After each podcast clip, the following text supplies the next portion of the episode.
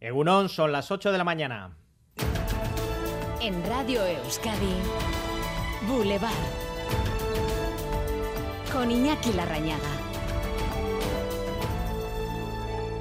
Con la introducción del ticket buy en la hostelería, los empresarios del sector creen que es hora de abrir un melón, que ha llegado el momento de que también las chosnas en fiestas se apliquen un control fiscal equiparable al de sus negocios, un asunto que evidentemente no ha sentado nada bien entre las asociaciones que organizan las chosnas y los voluntarios que hacen los turnos. Sonia Hernando. Los hosteleros piden igual trato, pero las chosnas defienden que sus obligaciones fiscales no pueden equipararse a las de una empresa privada. Escuchamos a Luis Cebrián, responsable de sectores de la patronal alavesa, y a Aitor, portavoz de la Comisión de Chosnas de Gasteiz.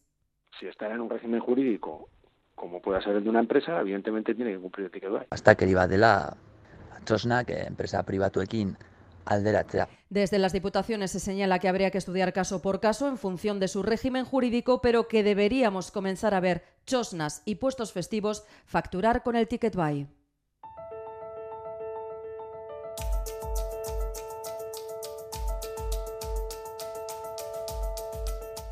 Además, les contamos que hoy el Endacari Íñigo Urcullu va a tocar una puerta más para revertir la negativa de Francia al tren de alta velocidad, al corredor atlántico en definitiva. Hoy se reúne con la Comisaria Europea de Transporte por videoconferencia para repasar los proyectos vigentes y presionar para que se respete la fecha del año 2030. Alaida Basurto. El Endacari Urcullo y el presidente de Nueva Aquitania, Alain Rousset, pedirán a la comisaria de Transportes una mayor presión de las instituciones europeas para que la línea Burdeos-Dax y su unión con la Y vasca se realice en tiempo y forma para 2030 y no para 2042, hasta donde pretende dilatar Francia. Considera el Ejecutivo vasco que de esta manera se respetarían los compromisos recogidos en la normativa europea.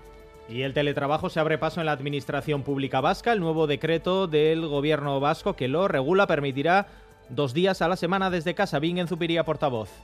Se establece una modalidad de carácter general que contempla dos jornadas completas de teletrabajo a la semana. Un teletrabajo que siempre tendrá que ser voluntario y reversible. Y la central nuclear de Garoña, habitualmente blindada al acceso a personas ajenas a la misma, va a abrir hoy sus puertas más o menos de par en par. Lo va a hacer para dar a conocer el plan de desmantelamiento. Va a ser Enresa, que es la empresa pública que gestiona los residuos nucleares, quien va a explicar los detalles de la misma. Expertos en energía nuclear piden calma. Creen que este proceso, que incluye también mover uranio gastado, 400 toneladas, tiene un riesgo mínimo el combustible ya está extraído del reactor y se irá extrayendo de las piscinas para almacenarlo en contenedores en seco. El nivel de riesgo es, extremadamente bajo y en general todo el mundo puede estar muy tranquilo. Y en capítulo político, la campaña electoral parece haber entrado en un nuevo impasse, mientras Correos defiende su labor para garantizar el voto. Nueva nota de prensa en la que asegura ya la entidad el 100% de las papeletas solicitadas se han entregado.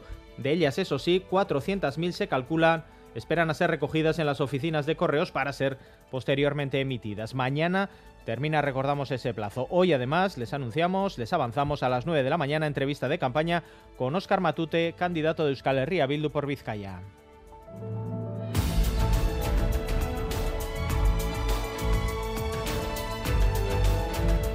Y repasamos más asuntos en sumarios con Leire García. El número de fallecimientos aumentó en Euskadi el año pasado. La cifra creció un 5% con respecto al año 2021. Murieron más de 24.000 personas, son datos del Eustat y se destaca un fuerte incremento de fallecimientos durante el mes de julio sin especificar las causas. Sí se ha contabilizado que el coronavirus provocó en 2022 más muertes que en el año anterior. En Navarra, precisamente, ha aumentado el número de contagios en, en ingresos por COVID tras la celebración de los Sanfermines. La tasa de casos se multiplicó por tres la semana pasada, según los datos del informe de salud pública, con un aumento de consultas en la atención primaria. Se contabilizaron 12 ingresos hospitalarios y un fallecimiento. En Vizcaya, en Astilleros Murueta, hoy se celebra la botadura de un nuevo buque carguero que se llama el Guernica NM. A partir de las 6 de la tarde es un barco con propulsión diésel eléctrico y transportará todo tipo de cargas secas y graneles por Europa, el norte de África y el Mar Negro. Y hablando de barcos, el gobierno británico ha confirmado que ya está en el puerto de Portland el barco al que se va a trasladar a los migrantes que lleguen a la costa sin documentación. El primer ministro no quiere que lleguen a pisar tierra. El Parlamento ha aprobado la nueva ley migratoria. El barco tiene capacidad para 200 personas, pero diversas organizaciones a favor de los derechos humanos denuncian que podría trasladarse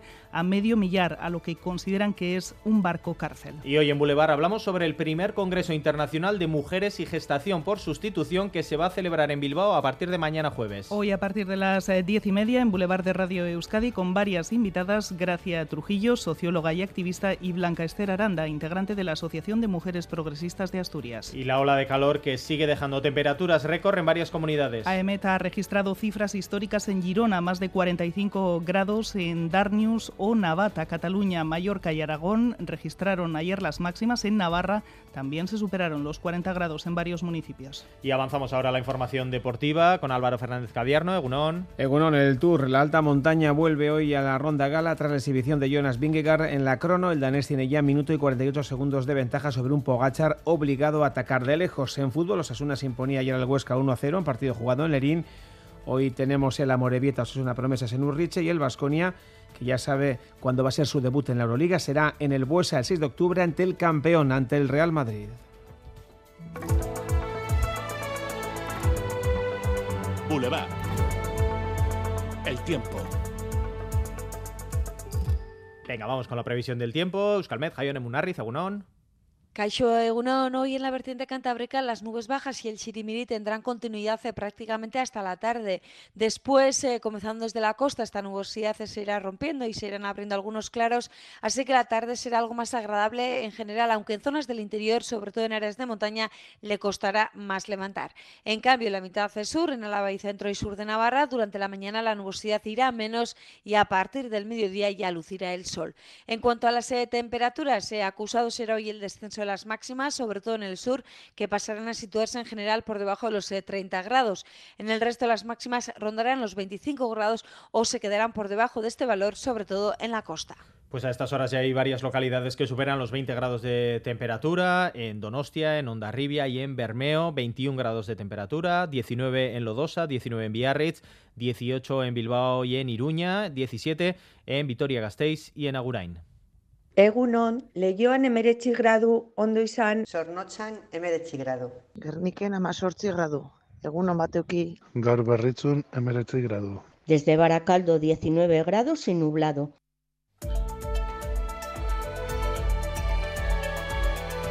Boulevard. Tráfico. Miramos a las carreteras, Ederne Frontela. El Departamento de Seguridad del Gobierno Vasco recomienda precaución si circulan por la A1 en el Burgos, sentido Irún. Allí se ha registrado la colisión entre un camión y un turismo que ha obligado al cierre de un carril. Repetimos, A1 en el Burgos, sentido Irún. Precaución también en la Guipúzcoa 20 en Lasarte. Un motorista ha sufrido una caída y ha obligado también al cierre de un carril. El motorista ha sido trasladado a un centro sanitario y reabierta ya sin problemas al tráfico la A15 en Andoain, sentido Navarra. En la dirección técnica, Yayo Mejón y Beatriz Leal comenzamos.